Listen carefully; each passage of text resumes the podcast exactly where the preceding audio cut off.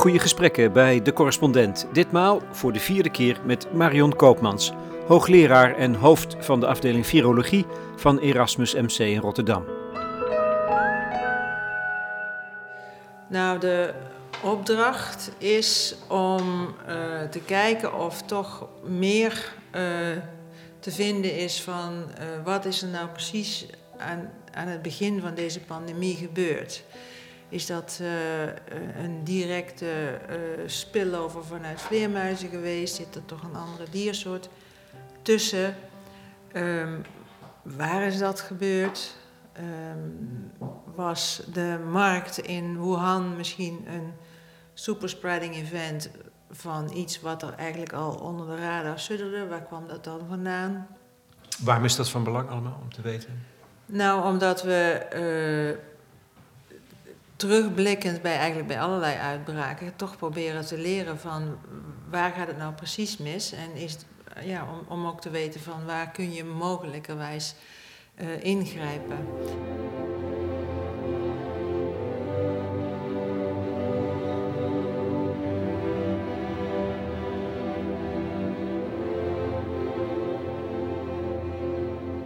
We vallen met onze neus in de boter. De afspraak stond al. Daags tevoren wordt bekend dat Marion Koopmans, gezaghebbend expert op het gebied van pandemieën, toetreedt tot een team van wetenschappers van de WHO, de Wereldgezondheidsorganisatie. Ze gaat in China onderzoek doen naar de oorsprong van COVID-19. Het virus dat al bijna een jaar de hele wereld in zijn greep heeft. Dat is een doorbraak, want China is meestal niet gediend van pottenkijkers. Dit gesprek is een update. Waar staan we nu? Wat kunnen we van het vaccinatieprogramma verwachten? En we hebben net als de vorige keer dat ik Koopman sprak, vele vragen, kleine en grote, verzameld van leden van de correspondent.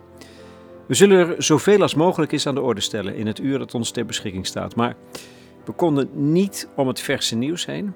En ik zeg wij, omdat ik dit goede gesprek voer samen met Michiel de Hoog collega-correspondent die zich meer en meer vastbijt in de problematiek. Bij SARS-1, dat duurde tot 2017 geloof ik, hè, dat het gevonden is. En dan ga je echt in, in, in grotten uh, af naar de, naar de juiste vleermuizen met het juiste virus nog. Ja, dus je gaat uh, echt een hele gedetailleerde reconstructie uh, proberen te doen. dus er is ook een... het is een samengesteld team, internationaal en Chinees scientists. Uh, en kijken van wat, uh, wat kun je met die reconstructie en wat zou je eventueel aan aanvullend onderzoek willen doen. En dat uh, gaat dan ook gebeuren. Even voor alle duidelijkheid, je gaat die grotten ook in. Je bent viroloog. Maar je gaat de laarzen aantrekken en daar met een loepje, nee een loepje niet, maar vleermuizen vangen. Hoe, hoe, werkt, hoe ziet dat eruit? Nou, we gaan doen wat nodig is om te proberen deze vragen te beantwoorden. Dus als dat betekent uh, studies ontwikkelen om te zeggen van daar moet nu uh, worden, dan gaan we dat doen. En dan moeten we ook kijken van ja, wie, wie gaat dat dan precies uitvoeren. Ja. Uh, maar het, het, idee is wel dat we ook echt naar China toe gaan, zodra dat qua reizen weer wat makkelijker kan. En dat we dus ook met onze Chinese collega's dit stap voor stap verder gaan uitwerken. Hoe politiek gevoelig ligt dit? De samenstelling van dit team? Kijk, het is de Chinezen willen jullie helemaal niet te hebben, in principe. Nou, dat weet ik niet, want de, kijk, het is ook voor China belangrijk ja. uh, dat zij weten wat er precies gebeurd is. En uh, uh, dus ja, natuurlijk is dit politiek gevoelig, want deze hele pandemie is natuurlijk een wereldwijde impact. We hebben ook gewoon politieke beschuldigingen wel uh, zien, over en weer zien gaan. Uh, dus ja, daarin moet je natuurlijk wel uh, zorgvuldig opereren. Maar um, ja, ik ga ervan uit dat de intentie echt is om ons steen boven te halen. Eh, gaat het dan uiteindelijk dus ook praktisch gezien om welke dieren je ruimt of welke um, fokkerijen bijvoorbeeld je wilt inperken? Nou, je wilt eigenlijk snappen wat, hoe zit het hele systeem in elkaar. Hè? Van wat, wat is nou. Uh, kijk, een groter thema is überhaupt dat we uh, met uh, bevolkingsgroei, met uh, uitbreiding van dierhouderij ook steeds dichter in de buurt ook van, van wilde habitats komen, waar af en toe dus problemen ontstaan. En je wil eigenlijk gewoon snappen van waar, waar gebeurt dat, waar zitten de risico's het meest en hoe zou je wellicht verplichte monitoring kunnen instellen om uh, zoiets veel vroeger op te pikken. Hm. Weten we al iets over de Nertse fokkerijen, die nu wel geruimd worden, concreet? Hier in, uh, in, de, ja, in, in Nederland. Hoe groot het gevaar eigenlijk is? Uh, nou, het gevaar zit voor, voor mensen, uh, zeg maar, in, in als je het vergelijkt met uh, hoeveel mensen ziek worden van de infectie die tussen mensen uh, verspreidt, dan is dat natuurlijk verwaarloosbaar. Dat is een handjevol. Dus je, we zien dat mensen die op die bedrijven werken geïnfecteerd worden. Maar het, het meer onderliggende gevaar is dat dat virus ongemerkt zou blijven circuleren. En dat je dan dus een nieuw reservoir creëert waarin dingen kunnen veranderen. En dat was vorige week uh, natuurlijk in het nieuws, waarbij de Deense collega's uh, aan bel trokken omdat ze zagen dat uh, het virus, ook daar zag je dat het virus in nertsenhouderijen was geïntroduceerd. En dan daar zitten zoveel dieren dat je heel veel infectiecycli na elkaar krijgt en daarmee ook verandering van het virus, mutaties van het virus. En dat was in dat geval uh, waren dat mutaties op de plek waar het virus bindt aan de gastheer. En daarmee zou het kunnen zijn dat als jij antistoffen hebt, dat die minder goed werken. Nou, dat, daarom trokken ze ook aan de bel. Dat is precies het soort van risico wat je wilt vermijden. Dus de, de, en dat is ook de basis waarom ook in Nederland is geadviseerd om uh, ervoor te zorgen dat het niet meer kan. Dus het risico is klein, maar het is echt een voorzorgsmaatregel. Wat stel je voor dat? Ja, dus de parallel die je zou kunnen nemen is van wat we kennen van bijvoorbeeld grieppandemieën. dus er komt één keer in de zoveel decennia een nieuwe griep uit de dierenwereld. En uh, wat uh, al een aantal keren is gezien, is dat die dan vervolgens ook, neem ook 2009 de H1N1-influenza, dat die vervolgens ook gaat circuleren in varkens.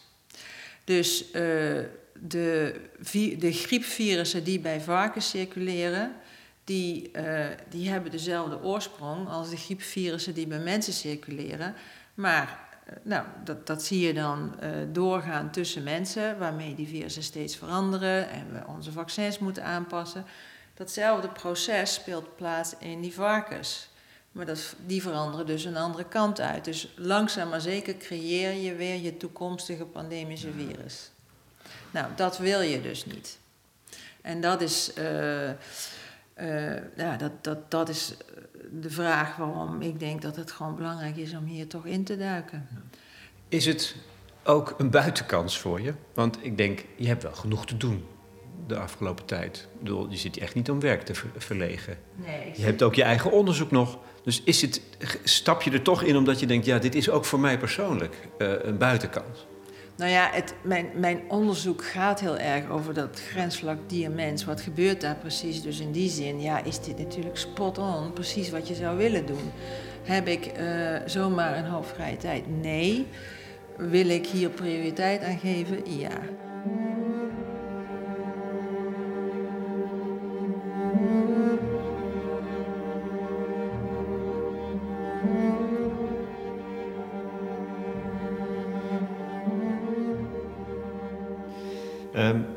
Het zal je niet verbazen dat uh, vaccinatie, vaccins, dat dat een belangrijk onderwerp is voor dit gesprek. Immuniteit. Ik heb gevraagd aan leden van de correspondent, wat zijn jullie prangendste vragen? Toch voel je nog steeds veel onzekerheid. En ik denk dat het ook, dit is een, ook een up-to-date. Um, we zijn acht maanden verder, of eigenlijk een jaar verder. Er bestaat nog steeds heel veel onzekerheid bij mensen over hoe wordt het nou verspreid. En zou, mag ik je vragen, weten we nu meer sinds die acht maanden? En kun je meer en met zekerheid over de belangrijkste manieren waarop het virus zich verspreidt? Um, ja, ik denk het wel. Dus uh, we weten zeker dat het zich verspreidt via druppels. Um, Uh, en dat een belangrijk deel daarvan via de grotere druppels zijn, die ook, uh, hè, waar, waar, je echt de kans op, op infectie kunt verminderen door afstand te houden. Dat is, dat is het, niezen, het niezen en het hoesten. Het niezen, het hoesten, uh, zelfs praten. Ja. Daarbij worden druppels geproduceerd, dus dat weten we zeker. We weten ook dat, uh, dat er een gradatie is, een gradient van druppels. Hè? Dat, dat als hoe kleiner ze worden, hoe langer ze blijven zweven. En dat dat zich anders gedraagt en dat dat soms ook uh, problemen oploopt. Dat is de aerosole discussie. Hoeveel kun je daarover met zekerheid zeggen? Nou, daar zijn, er zijn uh, uitbraken waarbij het dat wat gezien wordt in hè, infectie van, bepaald, van een persoon naar andere personen eigenlijk niet anders te verklaren is dan uit dat moet, uh, dat moet long range aerosol transmissie zijn geweest. Um, en er zijn uh, inmiddels uh, modelleringsstudies waarbij dus wat nu bekend is over zowel uh, druppelgrootte bij allerlei activiteiten, van praten tot, uh, tot schreeuwen, tot hoesten enzovoort, is gecombineerd met wat we nu weten over hoeveel virus mensen in verschillende toestanden van gezondheid bij zich hebben. En uit die modelstudies komt ook dat, dat, dat het zo is dat um, ook weer die gegevens het beste te verklaren zijn als je zegt het gros van de verspreiding gebeurt door een klein deel van de mensen en gebeurt door die druppels met een kleine bijdrage van aerosolen. Uh, dus daar is denk ik wel inmiddels uh, redelijk wat consensus over. Wat minder duidelijk is, is hoe belangrijk is, is besmetten van oppervlakte. Is dat, uh, hè, want het handen wassen. Uh, kun je als je in een ruimte bent waar, iemand geweest is die besmettelijk was, kun je dan geïnfecteerd uh, worden? Kun je dat via glazen krijgen? Dat soort vragen. Daar is minder over bekend, maar daar houden we rekening mee dat dat wel kan. Dus dat dat, dat, dat, dat hygiëne-stuk in ieder geval wel belangrijk is. Dus, dus voor de bulk van de maatregelen zeg je van uh, je pakt heel veel als je rekening houdt met die druppels. Je pakt uh, ook wat als je voor, uh, zeker bij kwetsbare groepen, rekening houdt met ventilatie. Hè, dus die, die, die, die wat langere range dingen. En zoiets als contactoppervlakte, besmetting van voedsel, dat is iets voor de periode dat je bijvoorbeeld waar, waar Nieuw-Zeeland zit, waar China zit, dat je het virus nauwelijks meer ziet, maar terug geïmporteerd kunt krijgen. Dus China is nu voedsel, bevroren voedsel aan het testen en die vinden dus af en toe dat voedsel positief. En die zeggen van ja, is het nou een, kan het ook een voedselinfectie zijn? En daar zitten dus nieuwe vragen.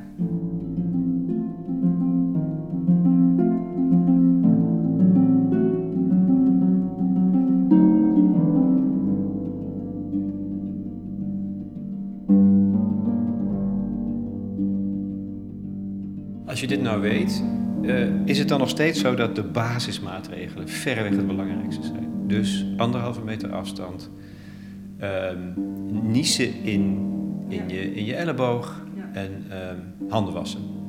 En thuis blijven als je klachten hebt en je laten testen.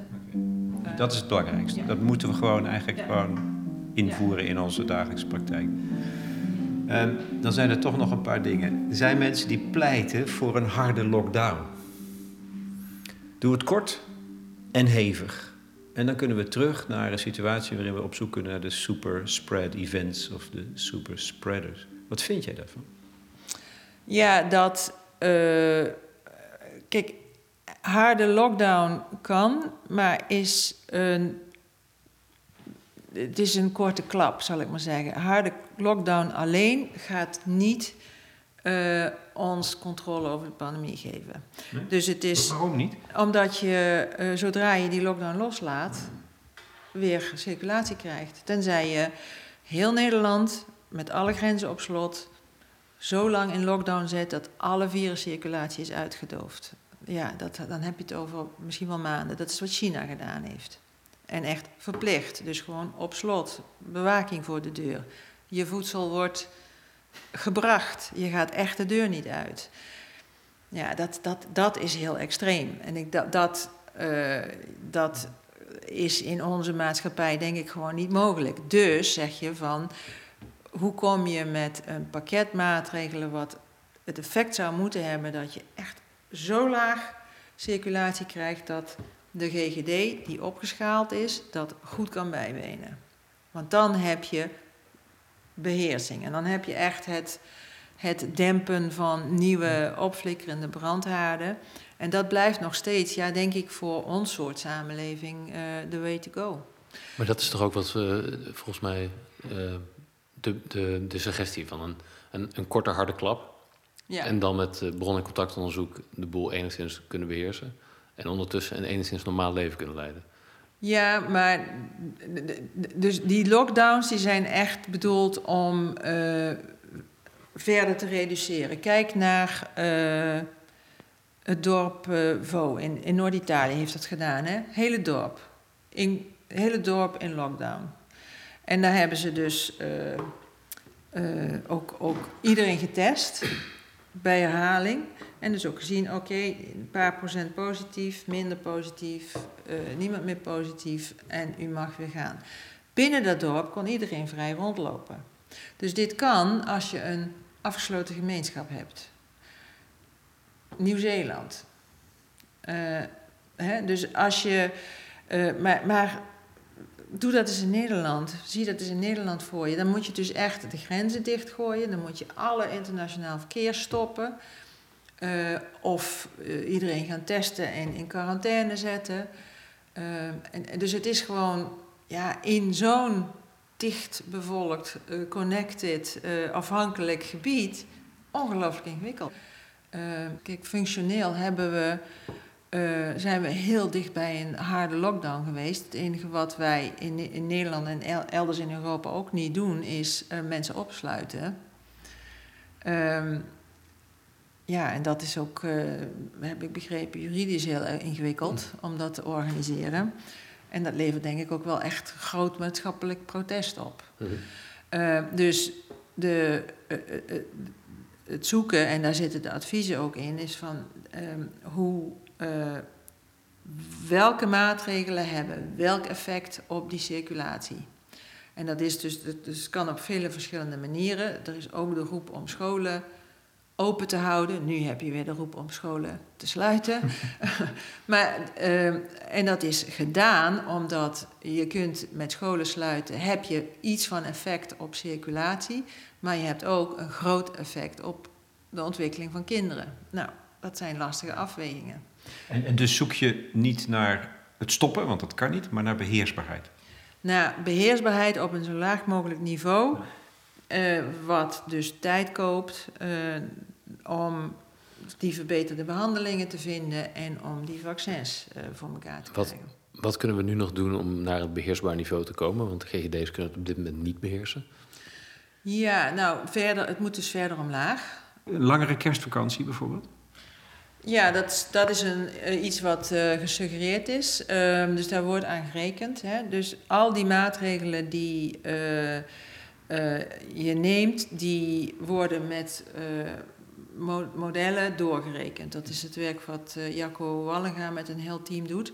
Dus die kijkt dan van, nou, uitgaand van wat we weten van die verspreiding, uitgaand of aannemend dat de compliance, dus dat, dat mensen zich ook aan die maatregelen houden, dat dat uh, nou ja, ergens tussen de 50 en de 70 procent is, zeg maar wat. Dat is bescheiden. Um, wat voor effect verwacht je van scholensluiting? Wat voor effect verwacht je hiervan daarvan? En dat wordt dus nu doorgerekend om te zien van ja, gaat dat echt zo aan de dijk zetten, zodanig dat dat opweegt tegen het effect van het niet naar school gaan, waar ook vanuit onderwijsspecialisten uh, ook gezegd wordt, probeer dat te vermijden. Is rekenen met modellen. Eén ding, ik, ik haat het om deze vraag toch nog een keer te stellen. Je noemt het niet mondkapjes. In de open lucht met name. Ja, dus die uh, discussie, uh, nou, die, die was denk ik wel een beetje beslecht. In die zin dat, uh, en daar is ook wel een mooi nieuw onderzoek gedaan met, met robots. en dat bevestigt eigenlijk wat ook steeds het verhaal was. Mond, die niet-medische mondmaskers, die beschermen vooral als je zelf klachten hebt of, of virus verspreidt. Daar geven ze een reductie. Die reductie is vergelijkbaar met als jij anderhalve meter verderop gaat staan. Um, en ze geven minder bescherming, maar wel ook, het is niet nul, bij de ontvanger, de ontvangende partij. Uh, dus als je mensen hebt die klachten hebben en die niet thuis blijven zitten, dan heeft dat zeker een toegevoegde waarde. Dus dat is ook waarom uiteindelijk dat, dat advies hè, is van in binnenruimtes, daar waar drukte is, uh, in de publieke ruimtes uh, doe je die niet-medische mondmaskers. Het basis is nog steeds, vermijd drukte, ja.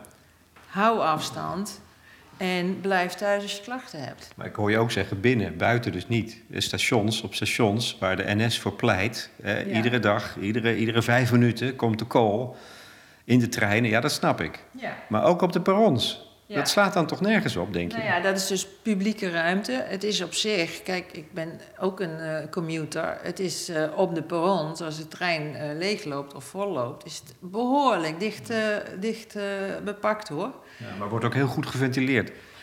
Ja, dat, dat klopt. Maar ja, dat is dan publieke ruimte.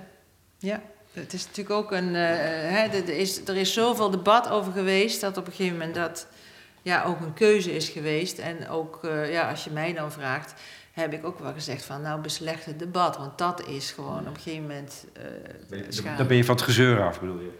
Nou, het, dan is het in ieder geval helder. En uh, het is dus de meeste effect heb je denk ik binnen kamers. En bij veel mensen bij elkaar waarvan ik zeg, ja, dat moet je gewoon niet hebben. Er was een discussie, een oproep vanuit burgemeesters. Onze winkelstraten zijn te vol doe alsjeblieft een mondkapjesplicht. Ja, dan vervang je de maatregel waarvan je weet dat die werkt, door een maatregel die ook wel iets doet, maar minder goed is. En dat is iets waarvan, uh, ja, waarvan ik vind dat moet je vermijden.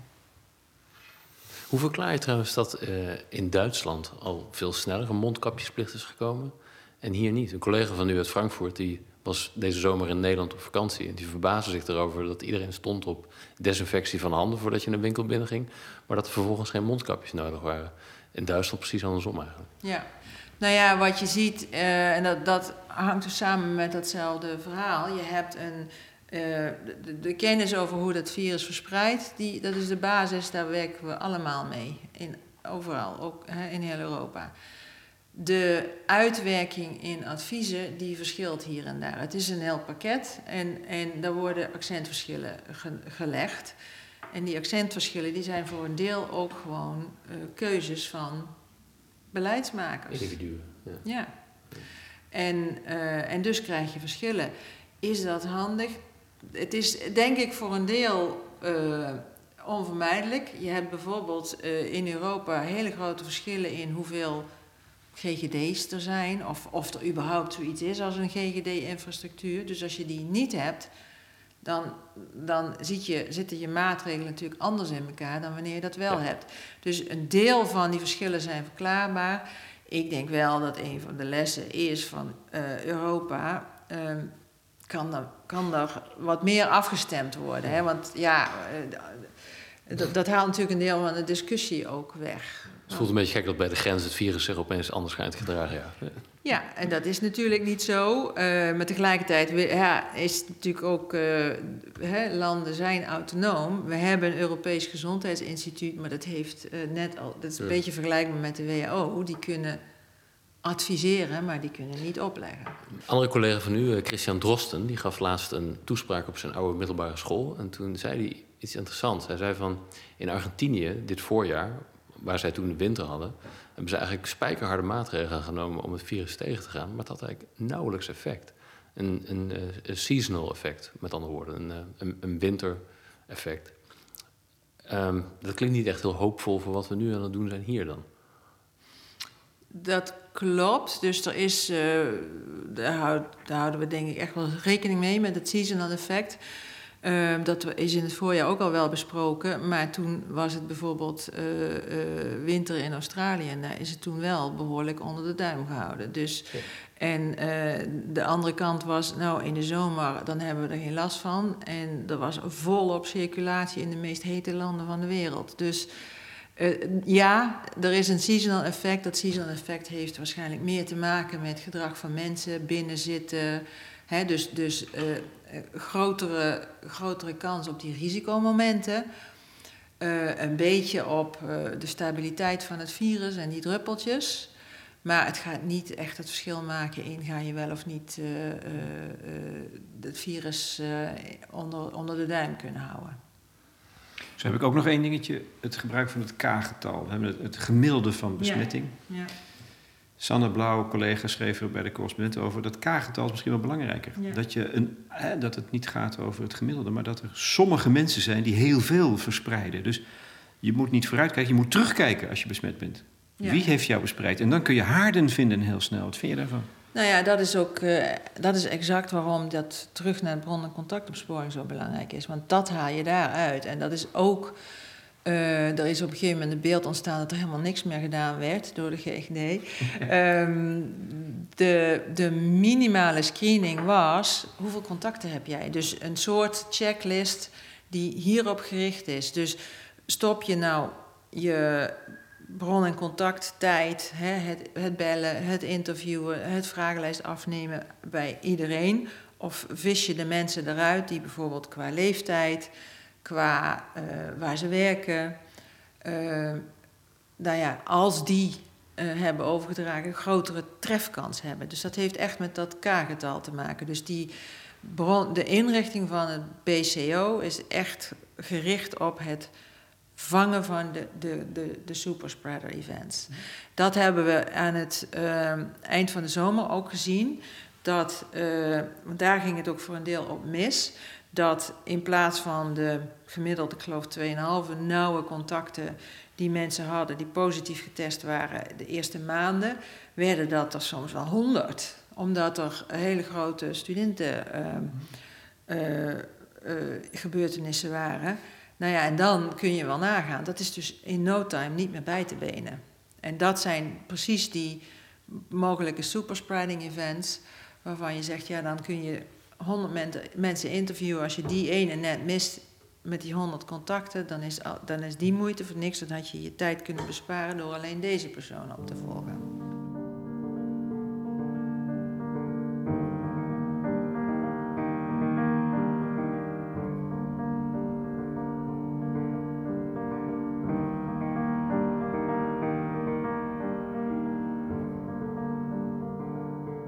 Hoe, hoe staat het met de immuniteit? Horen we nog wel eens iets over de groepsimmuniteit bijvoorbeeld? Nou, dat is uh, gelukkig van, van tafel gegleden. Uh, gelukkig? Ja, want de, tenminste de discussie zoals...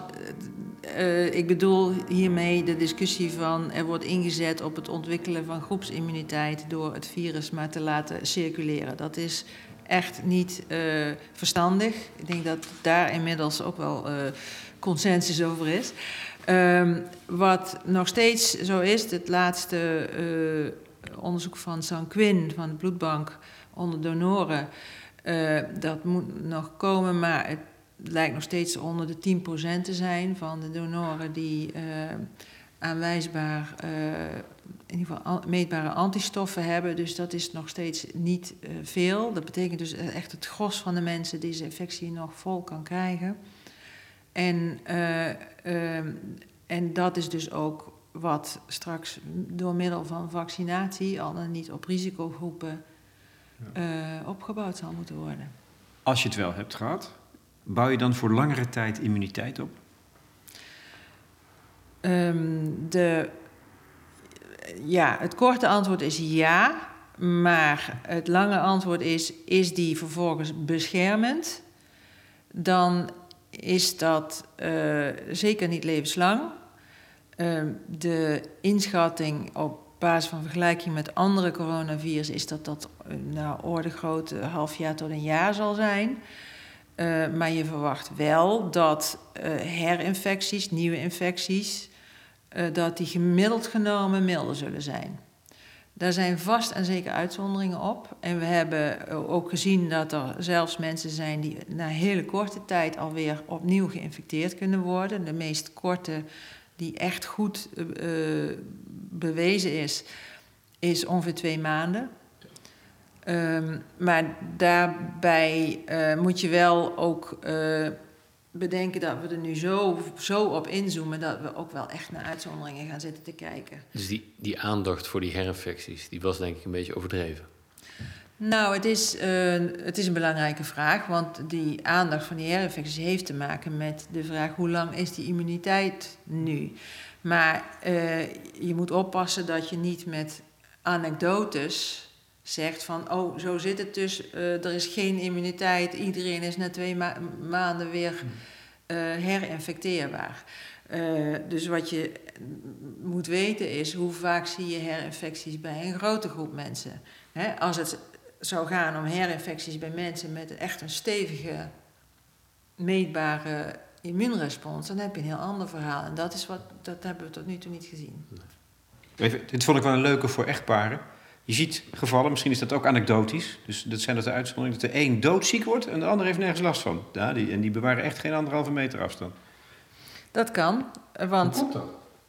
Um, nou ja, omdat de, de, de, mensen natuurlijk heel erg verschillen in gevoeligheid. Uh, we weten dat mannen gevoeliger zijn voor ziekte dan, dan vrouwen. Dat heeft te maken met de verdeling van receptoren. We zien uh, ook uh, risicogroepen voor ernstige klachten.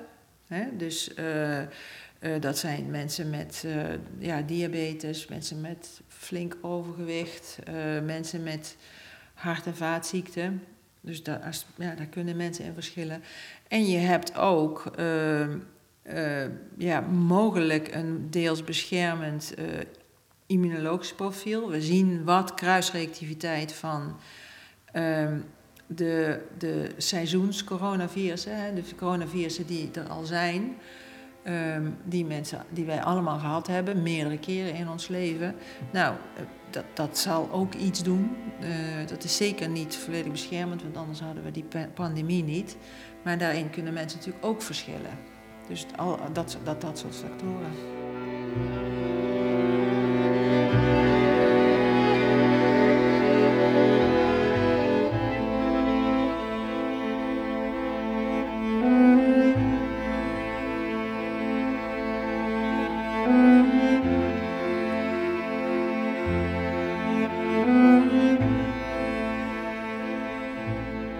Basisvraag. Wat doen vaccins? Kun je het uitleggen?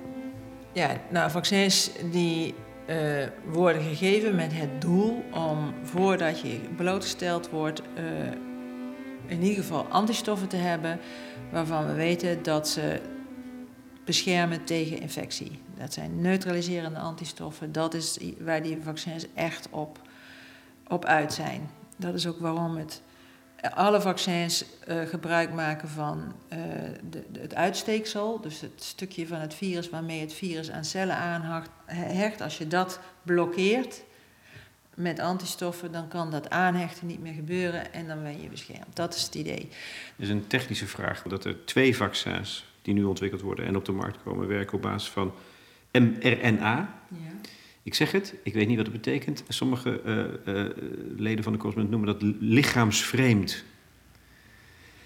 Nou ja, M staat voor messenger, dat is boodschappen-RNA. En het is een stukje genetische code die uh, ook gemaakt wordt als je een infectie hebt. Dus dat, dat wordt gemaakt tijdens de, het, het, het vermeerderingsproces.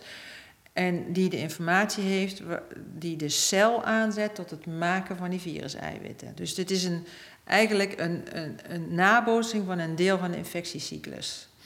En uh, dat heeft het voordeel dat je dus ook zo dicht mogelijk bij die natuurlijke immuniteitsopbouw komt. Want je doet in feite een deel van die infectiecyclus na op een veilige manier, want je hebt niet het hele virus, je hebt alleen het, het stukje genetische code waar wat beschrijft, hé, hey, zo moet het lichaam dit eiwit maken en dat is dan toevallig dat virus-eiwit. En daarmee wordt het dus ook op de natuurlijke route aangeboden aan het immuunsysteem. En krijg je dus hetzelfde als wat je ziet bij patiënten, namelijk het ontwikkelen van die neutraliserende antistoffen en ook de T-cellen. Die techniek met mRNA, uh, mRNA is uh, volgens mij redelijk beloftevol. Hè? In, in, in, die kringen uh, ziet men dat ook als, als een oplossing voor eventuele toekomstige problemen. Ja, het is een, uh, echt een nieuw platform. Het zijn ook de eerste mRNA-vaccins die, die nu ja, voorliggen bij de beoordelingsautoriteiten. Dat is dus ook waarom ze daar nog wel echt even goed naar moeten kijken. Um, ze zijn bewust ontwikkeld na een oproep vanuit de WHO van kunnen we niet naar nieuwe manieren toe om sneller vaccins te kunnen maken bij uitbraken. Omdat we weten dat je eigenlijk altijd achter de feiten aanloopt. Dus het zijn nieuwe platforms die ook uh, ontwikkeld zijn om, ik geloof dat de opdracht vanuit de financiers was van je moet tussen, tussen het moment dat je de genetische code van het virus weet en de eerste batches hebt waarmee je mensen kunt gaan testen, zes weken. Dat was de opdracht. Waarmee echt jaren, een aantal jaren geleden uh, studies zijn gestart. Um, en dat is veel sneller dan de, de reguliere vaccins, de, de, zeg maar de ouderwetse vaccins. Ja. Het tweede voordeel is dat dit kennelijk, dat weet ik niet, dat hoor ik, uh, op, veel makkelijker op grote schaal te maken is. Want als je het eenmaal hebt, het is eigenlijk, ja, het is wat we gebruiken ook met, het, met de PCR-testen. Je hebt de genetische code, oké, dat daar design je dan je test op en je kunt een week later ben je in business. Ja. dus het is uh, makkelijker op te schalen, omdat je niet die zelf die eiwitproductie hoeft te doen, die laat je het lichaam, het lichaam doen. Dus je hebt, nou ja, net zoveel eiwitproductiefabriekjes als je mensen vaccineert. Ja, je had het trouwens net al over de goedkeuring die nog uh, moet gaan komen. Door al die positieve berichten erover. Ik hoorde ook een interessante kritiek van... wordt nu best wel lastig voor autoriteiten om nog kritische kanttekeningen te plaatsen? Nou, dat denk ik niet hoor. Die autoriteiten die zijn behoorlijk gepokt en gemazeld. Um, en uh, het luistert natuurlijk enorm nauw. Het moet echt gewoon supergoed beoordeeld worden. Uh, daar, daar heb ik geen twijfel over dat daar... Dat daar gedegen naar gekeken wordt. Het gaat niet te snel. Uit haast, noodzaak, maatschappelijke behoeften. Nou, de druk is natuurlijk groot. Uh, wat je ziet is bijvoorbeeld uh, ja, China, Rusland, die vol aan het vaccineren zijn geslagen zonder iets van de, de informatie uh, te delen. Ja, dat zou in Europa denk ik niet kunnen. Um, en dat zou ook niet moeten kunnen, vind ik.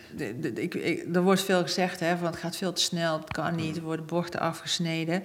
Um, ik denk het niet, want het is wel ook een proces wat is voorbereid. Dat is een uh, vier, vijf jaar geleden is um, in de WHO een reorganisatie geweest waarin is gezegd: wij moeten beter uh, voorbereid zijn op, die, op in ieder geval een prioriteitenlijst. Die zit er aan te komen. We, we zijn te traag. En dat heeft ook geleid tot een programma, CEPI heet dat, wat zegt: oké, wij moeten zorgen dat we nieuwe vaccinconcepten op de plank hebben die sneller kunnen. En daar hoort ook bij, daar zijn in, dus daar zijn grote projecten gefinancierd, waardoor nu die vaccins zo snel ook er zijn. En in die projecten zijn ook de, de uh, toelatingsautoriteiten meegenomen. Van hey, dit zijn dus nieuwe platforms. Die zitten gewoon in die projecten. Van kijk eens even mee, wat voor nieuwe vragen levert dat op, zodat ze ook daar al voorbereid zijn op er zit iets nieuws aan te komen en je moet hierop letten. Door alleen al te zeggen van hé, hey, we gaan nu beginnen over minimaal zes weken, maximaal drie maanden krijg jij dit dossier. Je moet onmiddellijk aan het werk, zet je mensen klaar. Dat, dat zijn allemaal stappen die gezet zijn om die snelheid erin te krijgen. Dus dat, ook die hele bureaucratie van toelating, die is misschien wel van twee jaar naar een maand ingedikt. Door, door door dat gewoon allemaal klaar te zetten voor te bereiden.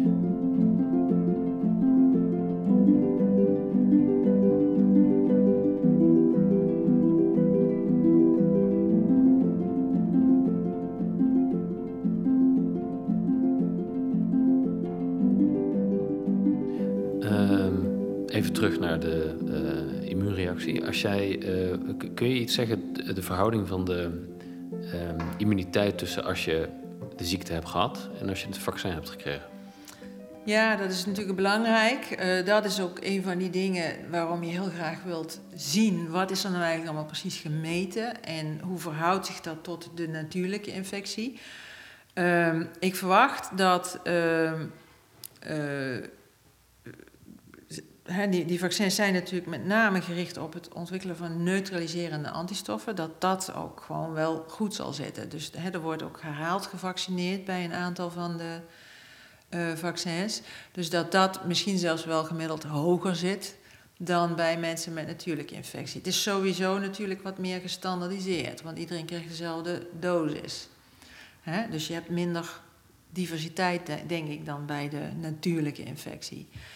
Um, de vraag, de, grotere vraag zit, wat hebben ze verder voor effecten? Hoe zit het met cellulaire afweer? En die is ook belangrijk, omdat het ook meewerkt in hoe snel je, als je alsnog wel geïnfecteerd wordt, het virus indampt.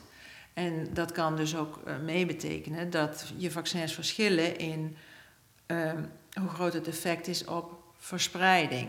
Dus ze, zullen allemaal, ze worden allemaal ook getest op dat ze effect hebben op ziek worden.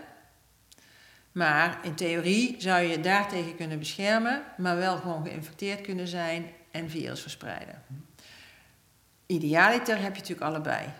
Heb je uh, vaccins die en uh, flink bescherming geven tegen ziekenhuisopname, IC-opname en leiden tot veel minder uh, virusverspreiding als je alsnog geïnfecteerd raakt. Dan heb je, nou ja, dan heb je bingo. En dan zou je dus ook kunnen bedenken van, uh, want de volgende vraag is dan wie moet gevaccineerd worden. Dat zijn nu natuurlijk vooral die mensen die het meest ziek worden. Maar als je zo'n vaccin zou hebben wat echt ook virusvermeerdering eh, echt flink verlaagt, nou ja, dan zou je kunnen zeggen, ga de de, de grotere verspreiders vaccineren. Ga de jongeren vaccineren. Dan heb je misschien wel twee vliegen in één klap. Want daar is over het algemeen het opwekken van een goede immuniteit ook makkelijker. Ja, ja. Dus uh, we moeten eigenlijk weten hoe het vaccin precies werkt... voordat we weten uh, wie we gaan uh, als eerste gaan... wat de volgorde eigenlijk wordt van in. En het ook afhankelijk, denk ik, van de fase waarin de, de, de pandemie zit... En, maar hebben we daar genoeg tijd voor om te weten te komen wat de reactie van het vaccin is voordat we het plan maken wie wanneer te, te vaccineren? Nou, de, dat, dat zijn de scenario's. Hè. Er zit ook in het gezondheidsraadadvies van vorige week. Uh, dus dat je, je wil hoe dan ook natuurlijk zorgen dat de grootste risicogroepen uh, beschermd worden. Um, en dat kan door ze zelf te vaccineren of het kan door mensen om hen heen te vaccineren. En het antwoord op die vraag gaat echt afhangen van wat doen die vaccins bij de risicogroepen. Met name echte oudere mensen, waarvan we bij influenza bijvoorbeeld weten en van allerlei andere vaccins, dat ze daar, ja, die werken gewoon minder. Uh, en en uh, dus zeker als je, wat we verwachten, aanvankelijk beperkt aantal doseringen zult hebben, ja, hoe, wat is dan de slimste manier om die te gebruiken? Wat vind je dan de slimste manier? Uh, hangt er ook vanaf wanneer dat is en hoeveel virus er dat circuleert. Als je dan heel weinig circulatie hebt, ja, dan zou je kunnen zeggen: zet het in om het weer opflikkeren te voorkomen. Zet het in op de verspreiders. De jongeren dus. Ja. En eerst, maar eerste stap is nu de oude, de kwetsbare de ouderen. Ja, die moeten in ieder geval beschermd worden. Dus die, de mensen daaromheen, de, de, de, de mantelzorgers, eh, de, de zorg, het zorgpersoneel. Wat ik een gereden actie vind voor mensen is dat, kijk, het gaat snel, dat proces van het vaccineren. Overigens heb je het volgens mij in, in maart voorspeld, toen ik vroeg, wanneer komt dat? Hè? Toen zei je, een beetje wazige blik, december. Nou, Kijk eens aan. Ehm, het gaat wel snel, sneller dan anders. Mensen zijn bang voor bijwerkingen. Ja. Kan- Er is niet getest op ouderen, zeggen ze dan. Dus weten we eigenlijk wel wat die bijwerkingen juist bij die, groep, eh, bij die groepen die, die het als eerste moeten gaan gebruiken zijn. Ehm, beperkt. Dus er is beperkt getest bij ouderen. Ehm, dus er zijn wel ook in de trials 60-plussers geïncludeerd, maar dat zullen niet de mensen zijn met echte risico, met echte slechte gezondheid. Ehm, en dat is ook gangbaar. Hè? Dat is dat je begint bij, eh, nou ja, bij gezonde eh, en wat jongere mensen. Eh, bijwerkingen zijn er. Dus de verschillende vaccins die hebben, die zijn, ja, mensen hebben pijnklachten. Hebben, sommigen hebben koorts. Dus er zijn absoluut bijwerkingen, maar dat zijn bijwerkingen. Nou ja, die, die, dat, dat zijn milde eh, bijwerkingen waar men- mensen natuurlijk bang voor zijn. En dat hoor je, hoor je dan wel wat spookverhalen van. eh, gaat dat eh, genetisch materiaal niet in mijn DNA zitten? Dat soort dingen. Dat soort bijwerkingen, die, die zijn er niet. Maar dit is natuurlijk wel waardoor die, waarom die grote trials belangrijk zijn. En er zijn, zijn ook een aantal trials hier en daar even stopgelegd, omdat iemand iets had waarnaar gekeken werd, kan dit door dat vaccin komen? Nou, dat is tot nu toe allemaal niet eh, gebeurd. Daar, en wat, het volgende wat dan klaar ligt, is, zijn ook plannen van... oké, zodra er vaccins zijn die door die ballotage komen... en die ballotage is stevig... dan, ga, gaan, dan liggen dus studies klaar, ook bij het RIVM... eh, en op meerdere plekken in Europa... van welke risicogroepen wil je nu ook nog een trial doen. Dus dat zijn dan mensen met verschillende risico's. Er is ook een samenwerkingsverband van oncologen. Die zeggen van ja, wij willen echt deze patiëntengroep, eh, die willen wij eh, getest zien. Ja, na de ballotage, maar kan je dan ondertussen al beginnen met vaccineren? Ja, dan zou je al kunnen beginnen met vaccineren. Ehm, en, eh, en dan is dus afhankelijk van wat dan precies bekend is, eh, bepaal je je definitieve eh, doelgroep. Nog eh, een paar specifieke lezersvragen. Stel nou, je hebt het al gehad.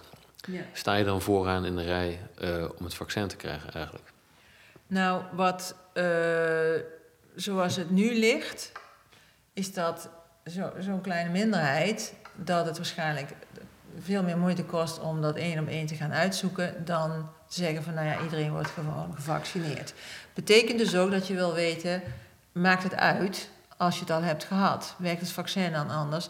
Nou, dat is het voordeel dat die trials, die zijn dus in gebieden gedaan waar ook veel virus circuleert.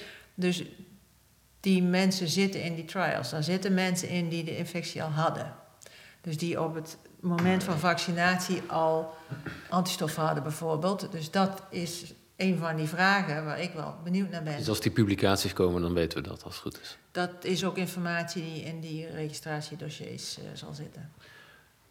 Oké, en een hele specifieke vraag. Is het voor mij als niet-gevaccineerde straks wel veilig om mijn oude moeder te bezoeken in een verpleeghuis vol wel-gevaccineerden? Dat is dan een vraag van, kan ik het dan oplopen van hun? Eh, ja, als het, het hele verpleeghuis gevaccineerd is, dan is die kans natuurlijk aanzienlijk minder dan wanneer die persoon daar nu naartoe gaat. Ehm, ehm, dus ik denk dat, en ik denk ook dat dat zou leiden tot aanzienlijk minder circulatie. Dus ik denk dat die kans heel klein is. Ik denk dat, dat, de, dat hij of zij eh, dan bezorgder moet zijn voor wat hij buiten de deur doet dan binnen het verpleeghuis. Juist. Ehm, en de andere vraag was, misschien van mensen die niet heel veel zin hebben om zich te laten vaccineren. Is het ook niet ehm, efficiënt om eerst een antistoffentest te laten doen? Dus je weet niet Ja. zeker of je het hebt gehad, maar je kunt daarmee misschien wel aantonen dat je het hebt gehad. En dan hoef je niet te vaccineren. Al dus een lezersvraag. Ja, dat zou kunnen, maar daar hebben we dus die vraag hoe lang blijft die immuniteit, ook daar. En eh, kijk, de eerste golf is tegen de tijd dat er gevaccineerd wordt ongeveer een jaar geleden. En daar hadden we al van gezegd van dat is ongeveer wel zo lang als we verwachten dat, dat je beschermd bent. Dus dat is een extra reden om, eh, als er niet rare dingen uit die trials komen, wat ik niet verwacht, om te zeggen, joh, gewoon meenemen. Ja, want uh, voor de helderheid, uh, je ziet eigenlijk nauwelijks gevaren van een vaccin, waar natuurlijk wat wel leeft, uh, dit onderwerp, maar jij ziet ze niet. Nee, ik, zie, ik, zie de, ik snap de vragen, ik, ik snap de zorg. Ik vind ook dat die gegevens goed bekeken moeten worden en dat we moeten zien wat, wat gebeurt precies. maar ik heb wel vertrouwen in het ontwikkelproces, ja. Dus je laat je vaccineren? Absoluut.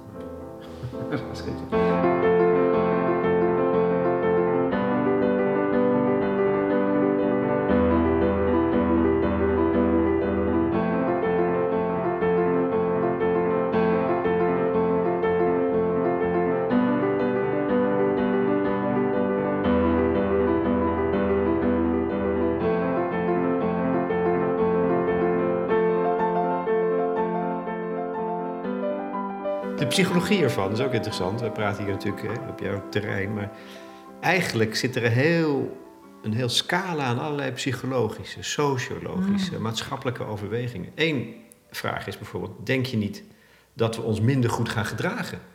Zodra we gaan vaccineren. En is dat erg? We denken, oh, ik ben gevaccineerd, ik mag weer alles. Ja, dus dat is een. Um dat is nog weer een beetje terug ook naar dat, ga je voor een harde lockdown of ga je voor een langere ademproces waarin ook een beetje inslijt dat wij ons met, met ons gedrag ook mee invloed hebben op wat er gebeurt. Want uh, dat gaat nog best een lange tijd nodig zijn, ook als er gevaccineerd wordt.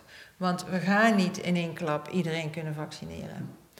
Uh, en dat is dus inderdaad wel een zorg. Um, dat geldt ook voor grootschalig testen. als mensen uh, zeggen van nou, ik ben nu, uh, ik heb een sneltest gehad, ik ben negatief, dus ik ga feesten. En dat doen ze drie dagen achter elkaar. Dan kunnen ze dat de derde dag gewoon vol positief zijn, want zo lang is ongeveer de garantie van een negatieve sneltest. Dus dat, dat is precies waarom het zo belangrijk is om echt uh, ja, toch ook te werken aan die acceptatie van de combinatie van maatregelen. Je moet het met elkaar doen. Maar ja, dat is, is dat niet een van de grote lessen ook van deze periode? Dat vraag ik me af. Hè? Dat je het als viroloog, je bent expert bestrijding en verspreiding, maar mhm. dat je moet samenwerken met gedragswetenschappers, met de regie over de informatie volgens mij, is dat cruciaal. Hoe dat gedaan wordt. Ik weet niet eens hoe je, daar, hoe, hoe je dat vindt dat het gebeurd is. Maar dat daar altijd op die, op, op, met heel veel verschillende eh, specialisten wordt samengewerkt.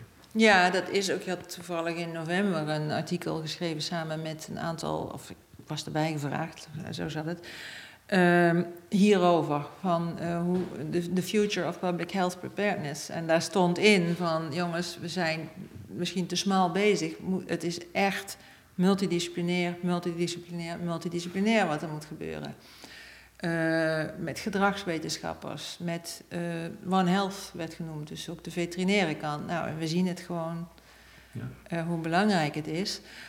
Um, er is wel ook, er is een grote gedragsunit ook aan het werk bij het RIVM, met daaromheen een, een groep hoogleraren die meekijken vanuit hun expertise. En die ook dus echt vol, ze hebben nu de, de achtste ronde uitvraag van uh, wat vinden mensen van uh, de maatregelen, uh, snappen ze ze, steunen ze ze, zeggen ze in ieder geval dat ze steunen, of ze het dan vervolgens doen is, is een tweede. maar ook kunnen ze het doen. Dus dat gaat bijvoorbeeld met de anderhalve meter. Hou jij je er zelf aan? en dat is eigenlijk een van de nog steeds meest geaccepteerde maatregelen.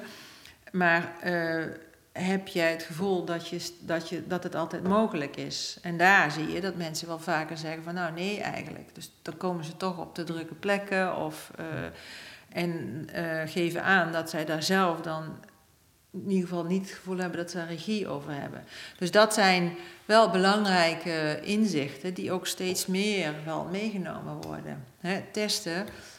Waar laat je je testen? Wat doe je als je positief test? Ja, zeg nog steeds een percentage, ik geloof 20% van, uh, ja, dan ga ik, mijn kind moet, naar, moet opgehaald, ik ga boodschappen doen. En er zitten soms economische belangen die in de weg zitten. Dat zijn hele precaire e-, ethische dilemma's. Ja, ja. En, en zie het maar eens in je eentje dan uh, op, op, een gewetensvolle manier te doen.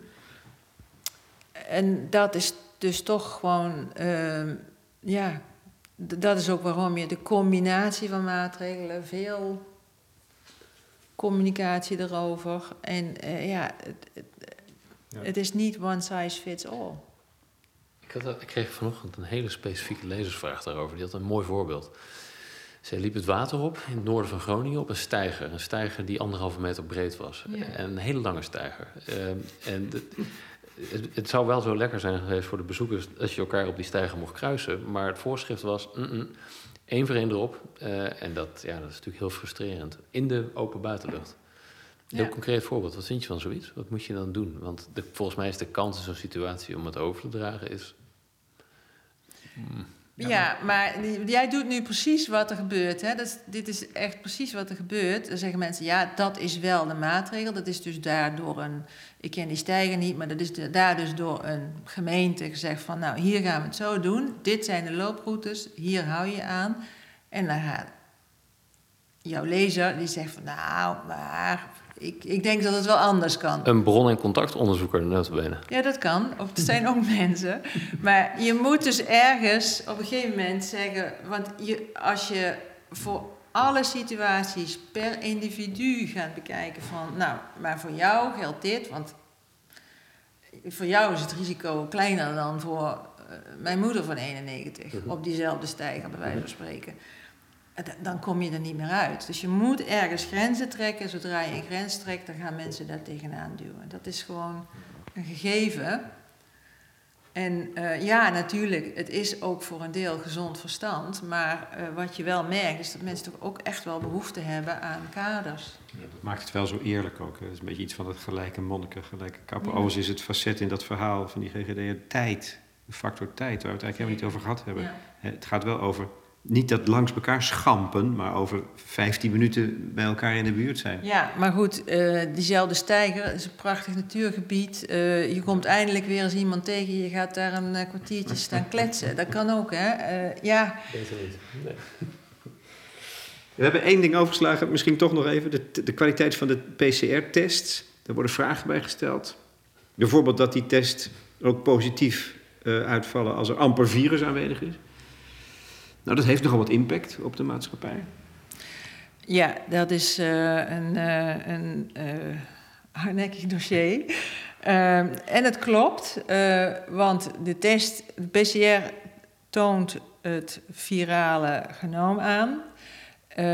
en doet dat, tenminste, de, de, een deel van de PCR's die doet dat ook kwantitatief. Dus, dus je hebt meer of minder.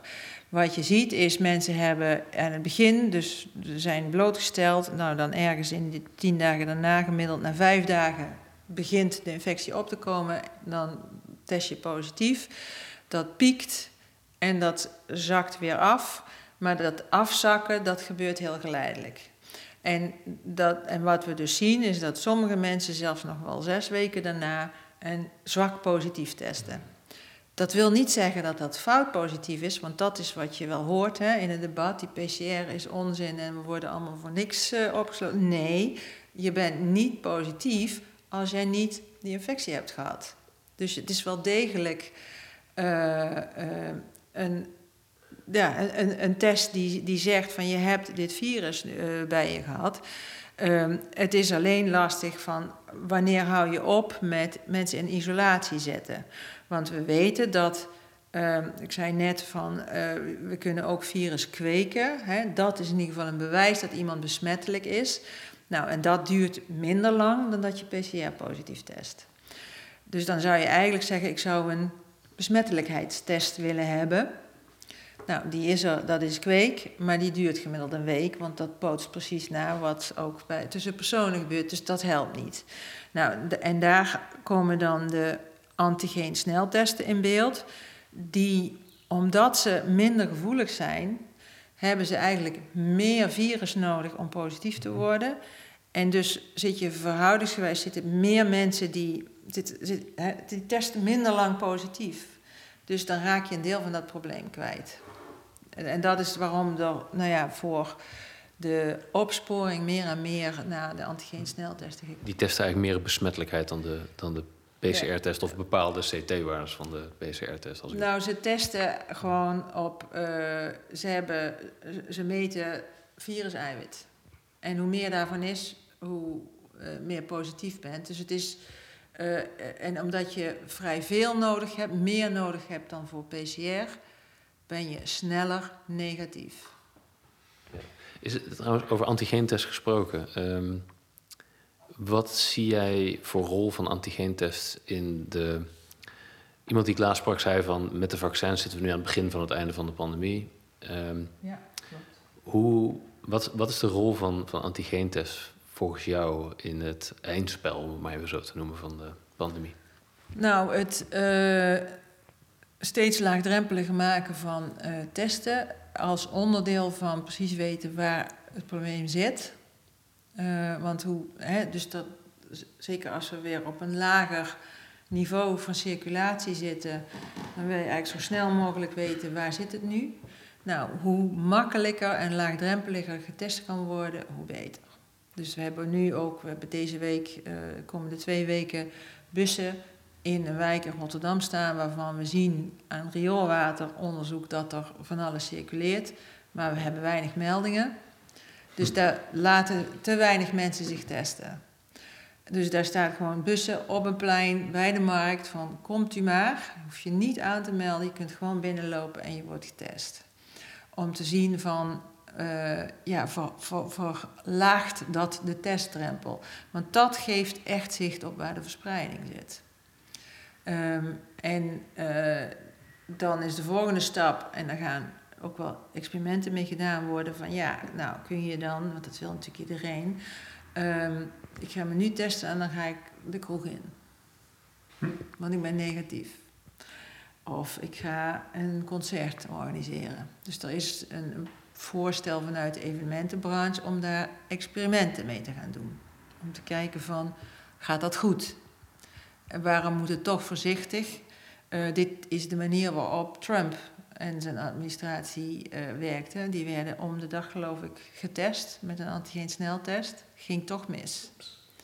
Eh dat zijn dus wel dingen die, die ja, uitgezocht gaan worden. Ja. En, en dat zijn denk ik ook wel ehm, positieve, ik vind dat positieve experimenten. Want het, het, het biedt uitzicht op, goh, misschien kunnen we het zo wel gaan doen. En dit zegt, je, jij noemt het het eindspel. Dus eh, eh, er is, dit is eigenlijk goed nieuws. We raken in de fase van het eindspel. Ja, ik vind zelf, ehm, zo de afgelopen paar weken heb ik, begin ik wel echt een soort eh, vrolijk te worden van wauw, het is, het is niet over, absoluut niet. Maar er zijn nu wel echt, ja, de vaccins komen echt in beeld. Het grootschalig testen komt echt in beeld. We gaan wel echt een nieuwe fase in. En het is nog steeds een lange adem. Dus eh, Het is, het is nog niet tijd dat we het van de lijst met status A van levensbedreigende ziekte kunnen afhalen. Nou, wat mij betreft niet. Want eh, je wil echt graag weten waar, het- waar die virussen zitten, zolang we nog. eh, ja, zolang het nog gaat zoals het gaat. Kun jij, kun jij een voorspelling geven van de, de komende, willen we zeggen, negen maanden, twaalf maanden in Nederland? Nou, ik denk dat eind van het jaar een flink deel. eh, ja, het moet wel heel gaar lopen. Dat wel echt een flink deel van de eh, risicogroepen gevaccineerd kan zijn. Volgend jaar, de twee- 21. Eind v- 2021, ja. Ehm, en dat je daarmee, eh, dus met aanzienlijk minder beperkende maatregelen, gewoon weer meer kunt doen. Dat, dat, dat, dat denk ik zeker. Of het helemaal eh, alles weer eh, los is, dat weet ik niet. Ik hoorde iemand zeggen met verstand van zaken, eh, misschien kunnen we al in, volgens mij was het Diederik Gommers zelfs, in februari, maart de stadions Dus weer in. hij wil fijn, ja. Hij wil naar Feyenoord. Ja, ja. dat, Ligt aan hem, hoor, zijn diezelfde- ik zat in diezelfde podcast. Dat vind ik echt heel vroeg. Dat denk ik niet. Ik denk dat... De, maar Feyenoord is wel ook bezig met een eh, experiment. Dat, eh, dat ligt stil, maar dat eh, gaat wel weer eh, gestart worden. Met, ehm, kun je op die anderhalve meter het stadion in... En hoe gaat dat dan? Want dat zijn dan nog steeds 11.000 eh, supporters. Dus dat is toch best veel. Hm. Ehm, maar dan en dan, lijkt het erop dat dat binnen dat stadion eigenlijk best wel kan. Maar hoe ga je het dan met de toevoer doen? Ik vind het toch knap, Michiel, dat je dit gesprek met een voetbalvraag weet te beëindigen. Dat doet mij veel plezier. Serieus. Afgezien daarvan, wat eh, fijn dat we zo uitgebreid in alle rust met jou mochten praten en alles wat wij ook namens de leden hebben uh, kunnen verzinnen op je mogen afvuren. Dus volgens mij draagt dat weer bij aan de helderheid. Dus dank je wel. Nou ja, ik, ik hoop het. En uh, ja, de volgende fase wellicht uh, over de eerste vaccinatierondes. Hè? Ja. ja, dat is goed.